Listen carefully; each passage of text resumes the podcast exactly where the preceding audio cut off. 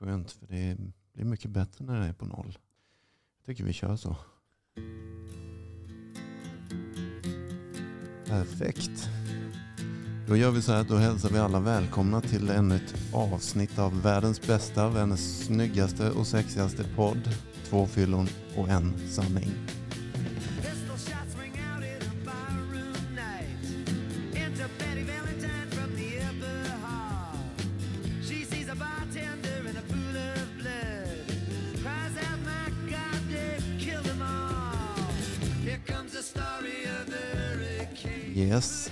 Jesper! Hej Daniel Asp. Hur känns det? Ja, det känns fantastiskt bra att sitta i en alldeles eh, sprojlans ny studio. Ja, precis. Vi flyttar in till Kalmar. Ja. Och vi spelade in ett avsnitt förra veckan, jag och Freddy då, med den här nya färska studion. Ja. Men eh, det blev strul med det och det har vi haft förut, sånt där skit. Det är tråkigt alltså, vi ber om ursäkt för det. Det blev liksom inget avsnitt förra veckan. Nej. Men eh, nu är vi här och gör ett nytt avsnitt. Nu får ju proffsen försöka istället. Ja, För det precis. att eh, när amatören är borta och Ja, håller på med andra skitsaker. ja. Men du, innan vi fortsätter så tänkte jag så här att vi ska skärpa till oss lite i den här podden med lite olika saker. Mm, det är uppsträckning alltså. Ja, det är det. Bland annat. Nej, jag skojar. Men alltså vi är pissdåliga på att berätta om vårt Swish-nummer. Som de flesta poddar gör. Men vi gör det aldrig. Vi tycker tydligen om att jobba gratis och så. Mm. Men eh, så är det. Vi har ett Swish-nummer. Jag kan inte ens det i huvudet nu. Det är ju oproffsigt kanske. Men det finns på våra sociala medier. Så att eh, jag påminner om dem istället. Bra. Gå ut och kolla, följ oss på Instagram, Facebook och, och överallt. Ja, precis. Twitter och allt vad vi nu har. TikTok. Och TikTok. Ja, det finns faktiskt ett TikTok-konto tror jag skapat i vår, vårt namn.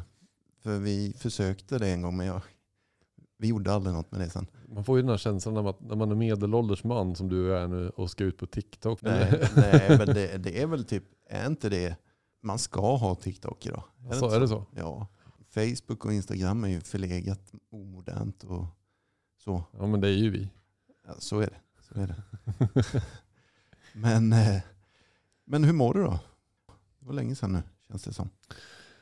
Det var, ja, det var länge sedan vi snackades vid. Ja. Du och jag, vi hann lite snabbt på telefonen här, men, nej, men det är bara fantastiskt bra. Alltså jag är inne på min andra semestervecka och jag har haft den bästa sommaren på hur länge som helst. Alltså det har varit så jäkla skönt, lugnt, eh, trevligt och Mm. lite så här olika små kortresor och ja, det var bra. Härligt. Det låter lite som att ni har gjort lite som vi. Lite spontana grejer sådär. Ja men verkligen. Jag har förstått det som det i alla fall. Ja men bara fångat dagen och varit sugen på, nu drar vi dit och testar den stranden och upp på Öland och ja, men, tur med vädret och ja, men, Vill du veta en sak till som är omodern förutom Instagram och Facebook? Berätta. Det är att säga fånga dagen. Carpe diem. Fan.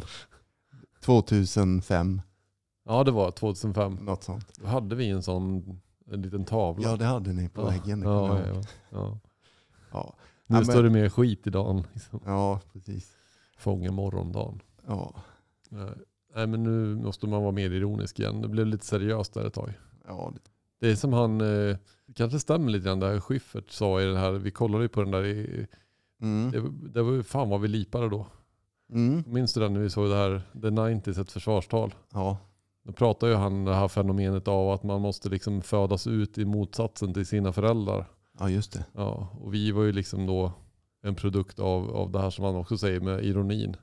Ja. Och sen efter ironins 90-tal så blev det lite allvarligt ett tag och det var då man började liksom carpe diem på väggarna och nu Mm. måste vi liksom ta själen. Men sen har det vänt tillbaka nu så ja, precis. nu är det ironiskt igen. Ja, lite Kan man så. säga så? Ja, kanske, kanske.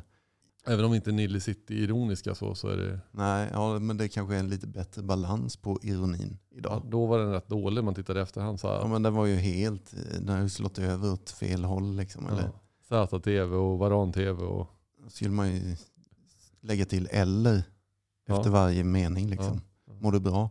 Ja. Eller? Ja. Jävla löjligt alltså. fan nya glasögon Jeppe. Ja. Nej, usch, jag vill inte ens in där. Nej, Nej. men, men det, det var ju en svinbra eh, föreläsning eller show han gjorde, Schyffert. Ja, jag har sett den många gånger efter då. Ja. Faktiskt. Och jag lipar fan mig varje gång. Ja, det är nog samma här faktiskt. Det, och det, det är intressant att du säger det, för jag, som du vet så har jag, kan det vara sista året eller halvåret, lipat som en jävla, alltså för minsta lilla så hugger det tag i hjärtat på mig. Bara, ja men du vet, superkänslig har jag blivit. Och jag välkomnar det, alltså jag är så glad för det. Och äntligen alltså kunna kanske lipa så här tre gånger i veckan. Det, har ju liksom aldrig hänt i hela mitt liv. Men nu bara är det där och det är så jävla fint. Är det? Ja. Jag, men jag, och, jag har ju varit så jävligt länge, det vet ju du. Mm, Alltså, ja, ju- ja, du är lipsill. Och jag tänker att någonstans finns det något som händer när man blir pappa. Eller mamma. Ja, Alltså så här, föräldradelen tror jag har någon, någon jävla, så här, vad heter det, ja men eh, hormoner som spökar till det. Det sätter nog igång en process ja. Eller, ja. Helt Absolut. plötsligt så är man inte, inte egot liksom är inte, man är inte störst, bäst och vackrast och viktigast i sitt liv längre. Det finns några som är ännu viktigare. Ja, Och det gör ju jävligt sårbar på något sätt. ja. Och jag tror att den där jävla sårbarheten gör ju att man börjar bry sig om saker och ser saker som man mm. aldrig ens har behövt tänka på.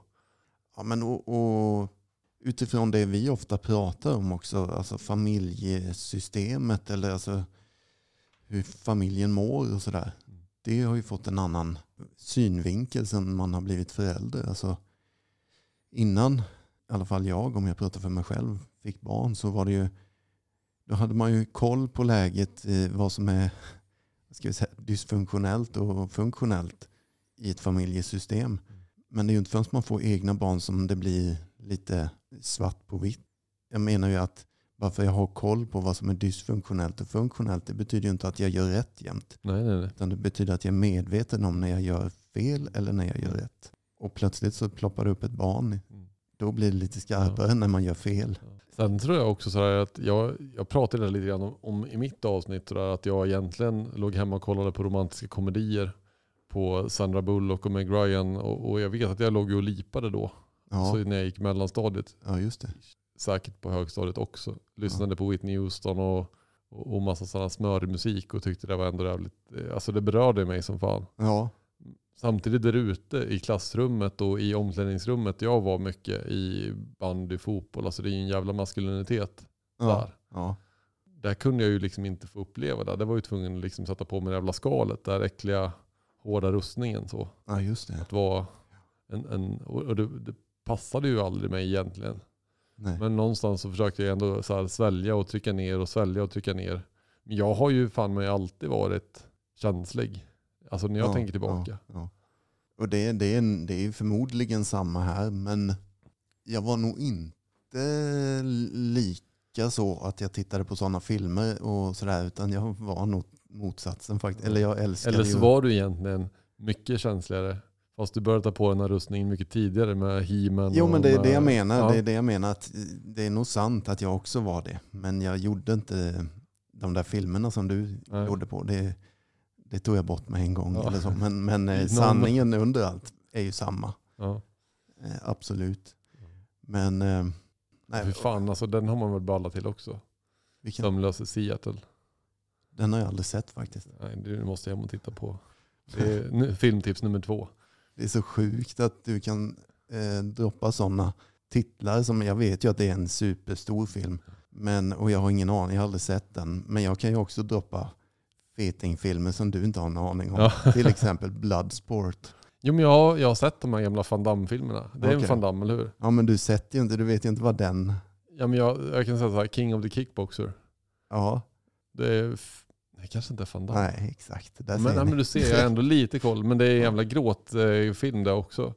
Mm. För det handlar ju alltid om samma sak de här filmerna. Att det börjar med att eh, han ser en gammal eh, film på tv, han sitter i en bar och super lite grann. Och sen ser han att, att hans brorsa eller någon får stryk av, Mm. av, av någon så här jättefight nere i Asien någonstans. Och sen bestämmer han sig, nu jävlar är det payback. Ja, ja, Och sen så åker han ner till Asien, tar med sig sin snygga blondin och hittar någon gammal teammaster som han börjar träna upp där.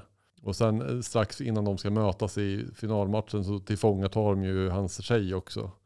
Och är det inte så i King of the Kickboxer att hon sitter i en jävla nät bredvid, bredvid ringen. Och, och sen går de ut och ska slåss. Alltså, men det är ju en, Ja, ja, så men, ser ju alla de här Ja. filmerna ut. mer eller mindre. Sant. och, och det är nu när jag inser fakta här att du kollade ju på Sömnlös i Seattle då, eller vad den hette, Ja. Och lipade. Men jag kollade ju på de här fightingfilmerna och lipade istället då. Eller, Ja. För det fanns ju romantik i det. Ja, men jag, jag håller med dig. Alltså. Jag, Ja, jag ja. lipade jag med. Alltså. ja, men du ser det, man kommer inte undan. Hur man än försöker vara macho här så går det inte. Precis, man, man eh, kommer fan inte undan i någon film. Nu, nu hittar jag ett, eh, en liten filmklipp för att se om du tar det här. Då. Eh, Det är lite det vi pratar om här. Då. Mhm. Ja men det är ju den du säger där, King of the, vad heter den, kickboxer va? Jajamän. Men det här är riktigt dåligt. Ja. Sådana här filmer ska man inte titta på även om man vill vara macho. Det här är...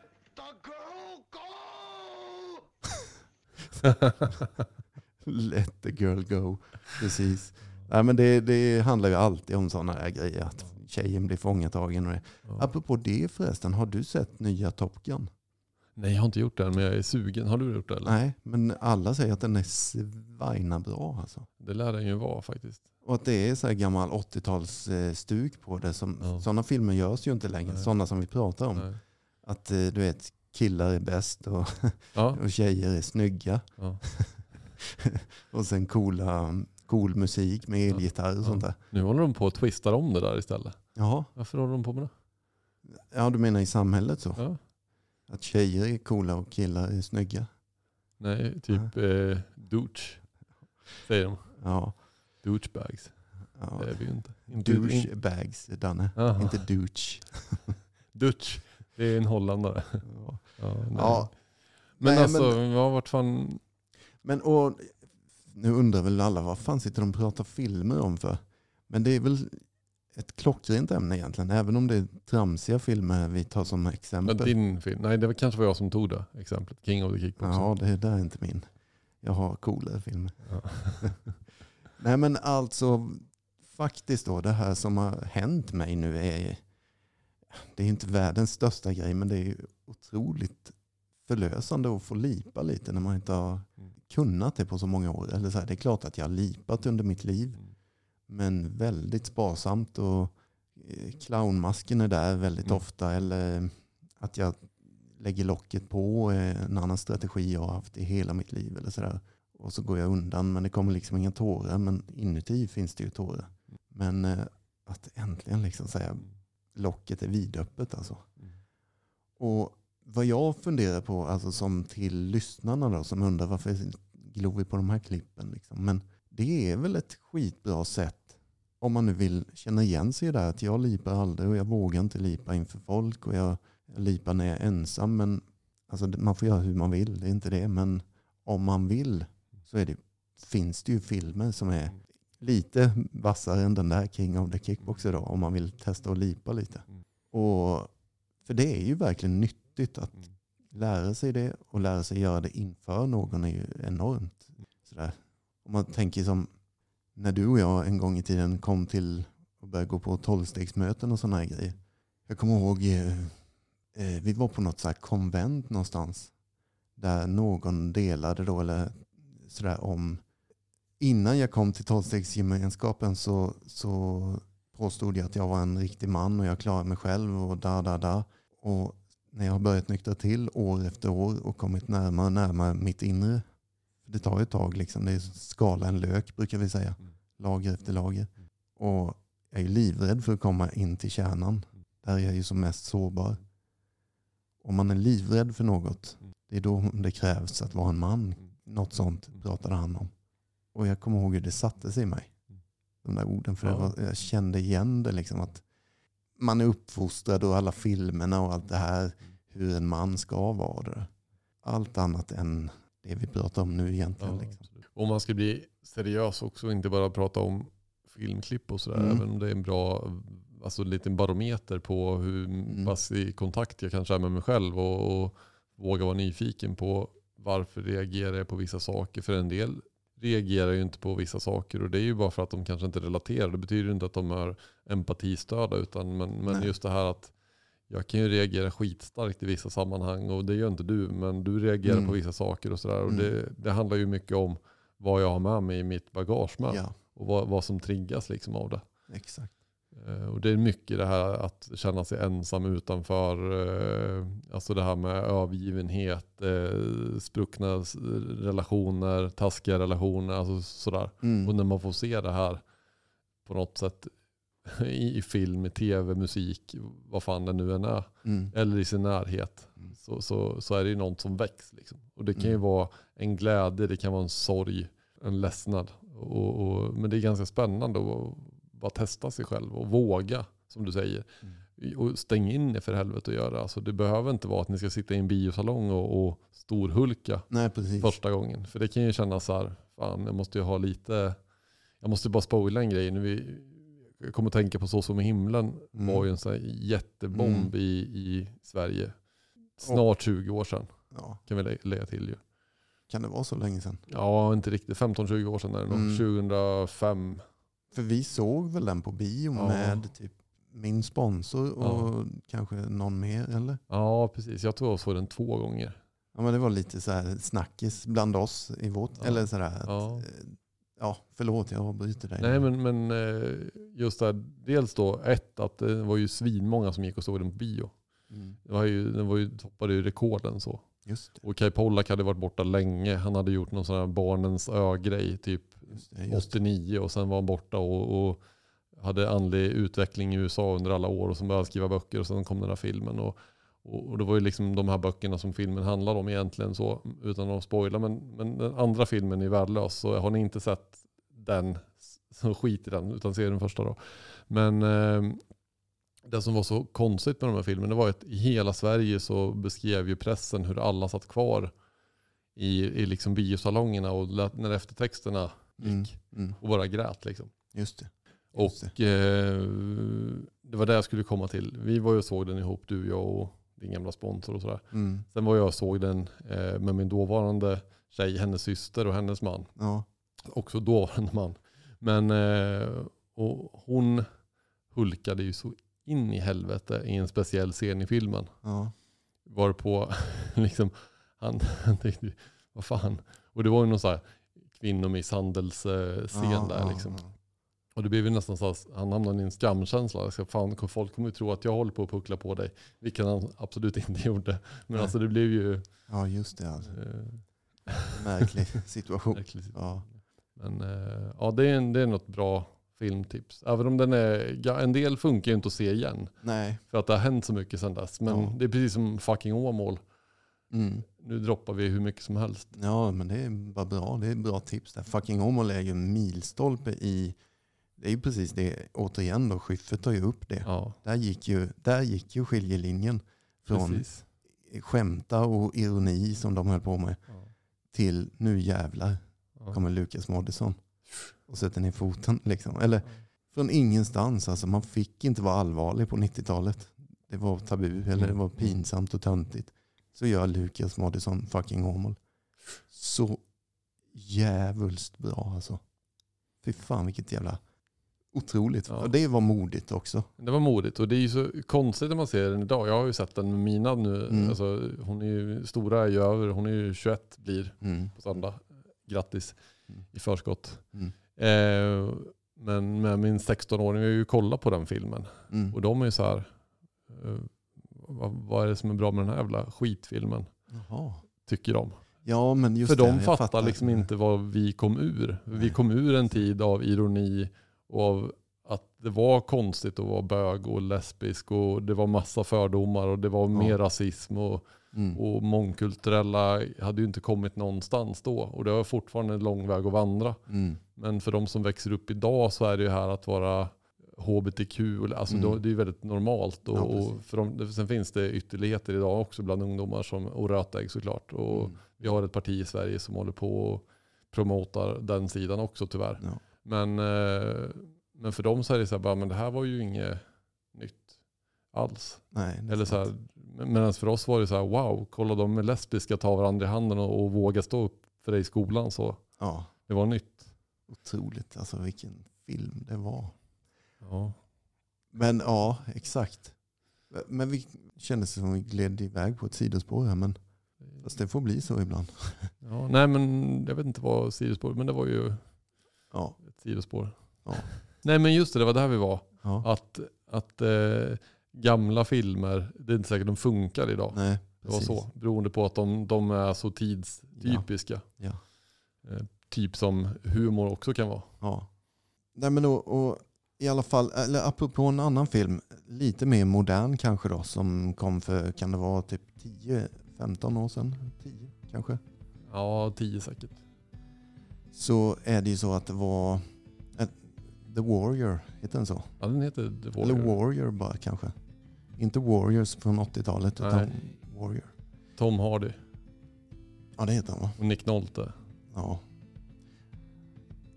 Vilken jävla film alltså. Handlar ju också om MMA.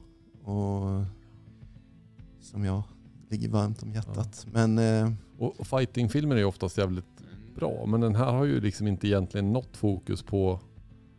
Nej men och, och sällan kanske någon fightingfilm har det. Det är väl snarare det här känsliga som man, vill, som man gömmer bakom fighten. Som är runt hela Mm. storyn. Rocky är väl, som vi tjatar om i den här podden, det är ju en otrolig kärlekshistoria egentligen. Och alla de här 80-talsfilmerna också. Men det här är ju en otrolig, apropå vår podd, som handlar om alkoholism och familjesjukdomen. Och jag blir känslig nu när jag hör den här musiken som är med i den här filmen också. Men eh, det är två bröder som har vuxit upp ihop eh, med en pappa alkoholiserad som har tränat dem i brottning och vad det nu är. Ganska hård pappa liksom. Och de blir ju svinduktiga båda två. Och farliga skulle man kunna säga för att de har så mycket ilska inom sig mot sin pappa och mot varandra blir det så småningom också. Familjens Vi kan säga så här, lite spoiler alert. Så Ja, stäng, av inte, stäng av typ två minuter nu om ni inte vill veta. Ja, för det här är en av världens bästa filmer enligt mig. Eller så ska vi liksom inte säga hela slutet. Eller ska vi det? Ja, vi gör det, men då får ni hålla för öronen, ni som inte vill veta det då. Ja. Eh, eller så blir det inte bra alls. eh, de här bröderna hatar ju varandra då, eller de bråkar. Den ena brorsan vill ju ha tag i den andra brorsan och gör, eller försonas då, men den andra m- mår för dåligt psykiskt och klarar inte det. Han har så mycket hat inom sig, eller ilska då, om allt som har varit i familjen och sådär. Och den ena har det gått bra för, den andra har det gått mindre bra för. Och, eh, det går ju inte att säga det här slutet, avslöja hela filmen, men man kan säga så då att eh, vi går rakt på sak. Håll för öronen ni som inte vill veta. De hamnar ju till slut i finalen av den här turneringen som blir då. Och det har hållits hemligt då att de ens känner varandra. De har Mm. olika efternamn. Ingen vet ju om att fan de är bröder liksom. De är bäst. Nu börjar Danne. Jag har gåshud. Nej men och sen så kommer väl den nyheten då att de här är bröder liksom. Världsnyheter. Och de går ju in med rå jävla ilska mot varandra. Inte den andra då. Han vill ju bara bli vän igen. Han vill inte ens möta honom i stort sett. Men eh, ja, och han som är arg då tänker ju alla han kommer slakta den andra för han är överlägsen i hela Ja. turneringen. Så. Och på läktaren sitter den alkoholiserade Pappan, pappan som, då har blivit nykter. nykter ja. Går på möten och allt möjligt. Ja, och eh, tittar på den här liksom. Och man kan ju säga så här, under, under hela den här matchen så spelas ju den här låten av The National. Ja, eh, ja. I stort sett. Bara så höja den lite grann och se om vi känner igen. Är not- vi säger inte slutet helt, men vi säger att det är en otrolig final. Som är väldigt känslomässig.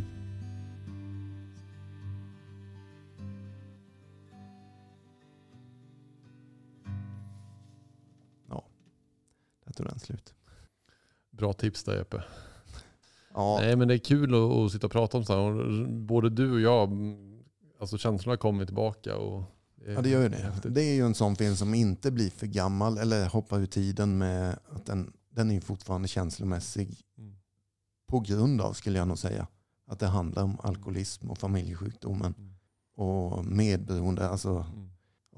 den här, säg lite till då, den här arga bro- brorsan om vi kallar honom så. Mm. Han tränar ju med pappa igen nu då. Mm. Medan den lite snällare, han tränar på ett vanligt, eh, en vanlig klubb då. Men pappan tar ett återfall under resans gång och sådär. Och man ser ju direkt hur han, den här arga killens medberoende slår på på en Mm. halv sekund. Liksom att nu måste jag ta hand om pappa. Och just den här jävla förtryckta ilskan som jag tror många barn och alltså de som är medberoende till alkoholister och narkomaner verkligen känner. Mm. Den här liksom fundamentala jordiska ilskan. Mm. Otrolig film. Men jag Jaha. tänkte på en annan Ja. sak. eh, Just det här med, det är också en sak har jag kommit fram på, så att, att eh, gråta till eh, film och serier och sådana saker som ligger, det ligger ju ändå lite utanför mig själv. Även om jag, som Mm. jag sa nyss, att det är ändå kopplingar till det jag varit med om. Men det, ju, det handlar ju inte om mig. Det handlar ju om, om en jävla film som de har spelat in i Hollywood Ja. eller någon annanstans. Det- Men det är inte självklart för att jag är väldigt lätt gråten till film eller andra klipp. Eller när man sitter och youtubar typ British Got Talent eh, och bara bölar hela tiden som en, Mm. alltså det är ju också en sån här grej ja. som helt sjuk. Men när det väl kommer till sig själv sen. Ja. Jag ska gå, själv gå på en begravning till någon jag känner väldigt nära. ja, Där har jag ju upplevt ibland att det bara, då stängs det av. just det. Ja. Där har jag svårare. Ja, men det är, det är samma här fast de senaste fyra begravningarna kanske i mitt liv, då har jag eh, tack och lov lipat floder. Eh, men det är då när jag inte har egentligen kunnat det, men då har det kommit. Mm. Och det är jag glad för, men jag håller ändå med dig för att det blir en annan grej då. Men då, jag har en teori. Mm. Jag tänker att då, då är det mer en process i dig själv som, kom, som kommer inifrån. Inte från en tv-skärm. Mm. Eh, utifrån och in blir det ju då. Mm. Här är det ju på riktigt, här kommer det inifrån. Och då är det en, en mycket mer naturlig process. När är det dags att gråta? Det kanske inte är på begravningen. Det kanske är en vecka innan. Mm. Eller tre veckor senare. Eller, alltså det finns Mm. ingen tid i det. Utan där går man igenom alla de här terapeutiska, eller gången liksom. Mm. Eh, Ja men, det eh, ja men eh, exakt. ja. men på en film så är det serverat. Liksom. Där har man redan fått processen genom filmen tror jag. Mm. Så då, då är det bara som att trycka på en knapp. Eh, Ja, men jag tror att man har mycket, mycket mera känslor också som du säger lagrade i sig till den där personen som ligger där och och Mm. man begraver. Eller, alltså det finns så mycket Mm. minnen Mm. som berör så mycket annat också så det är krångligare kanske. Men, men jag kan ju också känna på den här både och. Skam, fan nu borde jag gråta eller fan nu kanske inte jag som borde, kanske de. Alltså att jag kan Mm. ibland gå in i det där, vad borde jag? Alltså hur upp, och det är ju en sån här skamkänsla egentligen, att, Mm. att passa in som är så här gammal och förlegad. Ja, Men, men det försöker jag, det är nyttigt att bryta upp de här gamla grejerna. det är det. Och, li, och likadant här att gråta offentligt. Det har ju blivit bättre. Till som inte gillar att vi har pratat film idag istället för alkoholism. Så ni får skylla er själva att ni tryckte på play. Ja. För, nej men alltså, för mig är det här, det är lite allvar. Är, att kunna gråta är så otroligt viktigt. Och ett bra hjälpmedel är sorgliga filmer, absolut. Eller eh, vackra filmer eller sporthändelser kan också beröra mig jävligt mycket. Så enorma rekord liksom. Eller någon som har varit skadad och tar sig tillbaka. Men du vet, Mm. det är ju skitfett. Eh, men en av alla de här filmerna som jag tror faktiskt på riktigt kan jag säga har hjälpt mig ur alkoholism och missbruk. Och när jag hade en sån här, som det heter, provboende från SOS första tiden i min nykterhet så hade jag en DVD som heter Hurricane. En verklighetsbaserad eh, film, återigen om fighting egentligen, boxningsfilm är det ju. Rubin Hurricane Carter. Mm. 50-talet eller är det 60? 50? 60 är det nog fan. Där någonstans. Typ världens bästa boxare på den tiden. Han var svart. Vilket inte gillades av alla då att han var bäst i världen. På boxning dessutom. Mm. Så att eh, han blir ju Dömd för tre mord. Mm. Får- tre gånger livstid. Alltså inlåst för resten av livet. Eh, och han är oskyldig. Mm. Och detta liksom caset då pågår ju många år. Folk bara, men det här kan inte stämma. Och man förstår att det här handlar om rasism egentligen. Det Men han skriver ju boken om sig själv som heter den boken också, The Hurricane. Nej, Den heter typ från nummer ett, då rankad nummer ett i världen till hans fängelsenummer 2338 eller något sånt där. Ja, just det. Tror jag boken heter. Ja. Den här självbiografin som han skriver från fängelset. Han skriver egentligen om vad som hände. Ja. Varför sitter jag inne? Ja. Där och där hände och om sitt liv också. Sin uppväxt och alltihop. En, annan, en annan cool detalj är ju att när han väl kommer in i fängelse så vägrar han bara blanda sig. Med de intagna, eller de skyldiga. Han tar inte på sig fångkläder så. Nej. För han är oskyldig och han står för det. Liksom. Han tänker inte, ni får ha mig här inne, min kropp och alltihop, men jag tänker inte vara en fånge. Det, det är rätt mäktigt så. Men, men eh, han så han sitter i en, sin egen cell bara. Han går aldrig liksom ut. Nej, bland annat så, men han, det pendlar ju lite under alla Ja. år. Han sitter inne i, jag vet inte, många, många år. Alltså, han får ju livstid liksom. Så att, eh, och spoiler alert igen nu då. Håll för öronen för jag säger det med en gång. Han eh, kommer ju ut så småningom. Men det tar ju mängder med år. Alltså, jag tror det är 20-25 år eller något sånt. Och eh, den här boken han skriver och skickar ut i hela världen får ju napp i en pojkes händer. Som känner igen sig i hans uppväxt och blir medryckt. Och kommer återigen från en alkoholistfamilj och, och hämtar styrka ur Rubens bok. Och eh, kontaktar någon, några advokater och sådär. Vi måste få ut honom, han är oskyldig. Bob Dylan skrev den här låten som vi hade i introt idag Ja, som heter Hurricane. För att Bob Dylan hörde, eller alla visste ju att det här är inte sant, han är inte skyldig. Vi måste få ut honom. Så Ja, hela den låten är en berättelse om vad som hände. ja, den beskriver nästan filmen faktiskt i en enda låt. Den är bra eh, skriven. Mm. Men, men eh, vad vill jag säga med allt det? Nej, så för er som tycker att den låten är lång med Bob Dylan så lyssna för en gångs skull. Ja, För det finns en anledning att den är lång. ja precis. Och han ju ut med mycket skit i den här resan. Liksom och, men han låter sig inte slås ner i själen. Och det, här. det är verkligen en andlig film skulle jag vilja påstå. Och jag hämtade styrka i den. Det, jag tror inte det finns någon film som hjälpte mig mer just där och då. Mitt första år i nykterheten. För det var ju inte alltid spikrak väg. Och jag var jävligt ledsen ibland och jävligt nere och jävligt eh, alltså allt möjligt hungrig och skyllde pengar och gick på SOS. Och, ja men du vet. Ja, vi kände ju varandra där. Det var där vi Ja. träffades ju. Och det var ju du som introducerade mig till den här filmen också. Så var det nog ja. Precis. Eh, Det var ju mitt i prick liksom. Ja. Ska vi, ja, ska jag, jag har faktiskt hittat eh, slutscensklippet här. Ja, Ska vi, bara, ska vi avsluta helt enkelt på det här sättet? Och, det ska vi göra. Vi, ska, vi ska tjata en gång till om att gå in på Instagram och följa oss. Och så gör ni samma sak på Facebook. Och samma sak på Spotify. Finns en följknapp där med. så kommer det ännu mera filmtips nästa vecka. Ja, precis. Kör igång. Puss och kram. Puss och kram.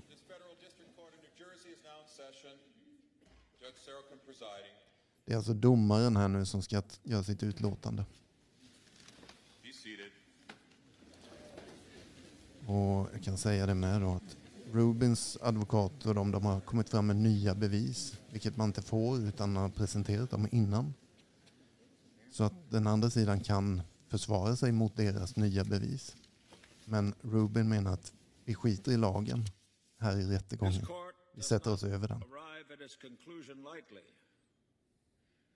On one hand, Reuben Carter has submitted a document alleging racial prejudice, coercion of testimony, and withholding of evidence. On the other hand, Mr. Carter was tried twice by two different juries, and those convictions were subsequently upheld by the New Jersey State Supreme Court.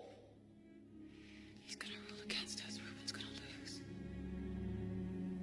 However, the extensive record clearly demonstrates to this court that Reuben Carter's conviction was predicated upon an appeal to racism rather than reason and concealment rather than disclosure. To permit convictions to stand which have as their sole foundation appeals to racial prejudice is to commit a violation of the Constitution as heinous as the crimes for which the defendants were tried and convicted. I hereby order Reuben Carter released from prison. From this day forth.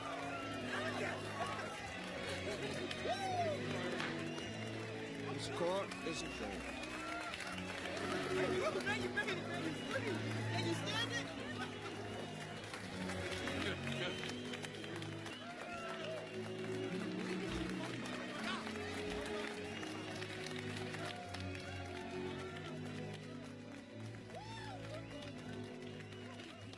Här tänker jag lägga mig i lite.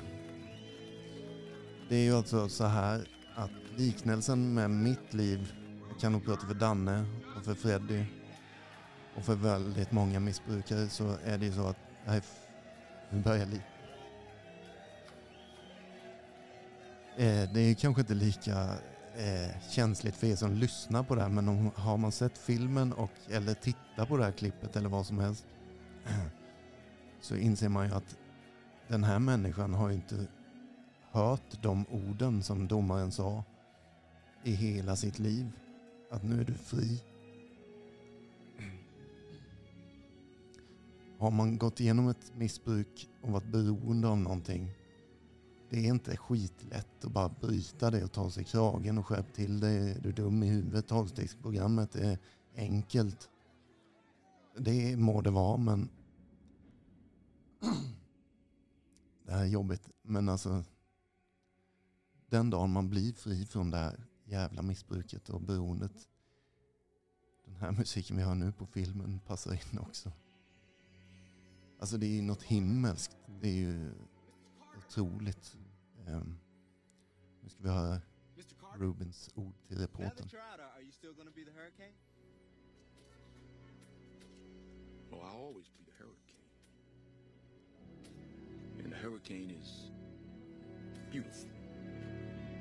Ja, Ja, för fan. Det är starka känslor.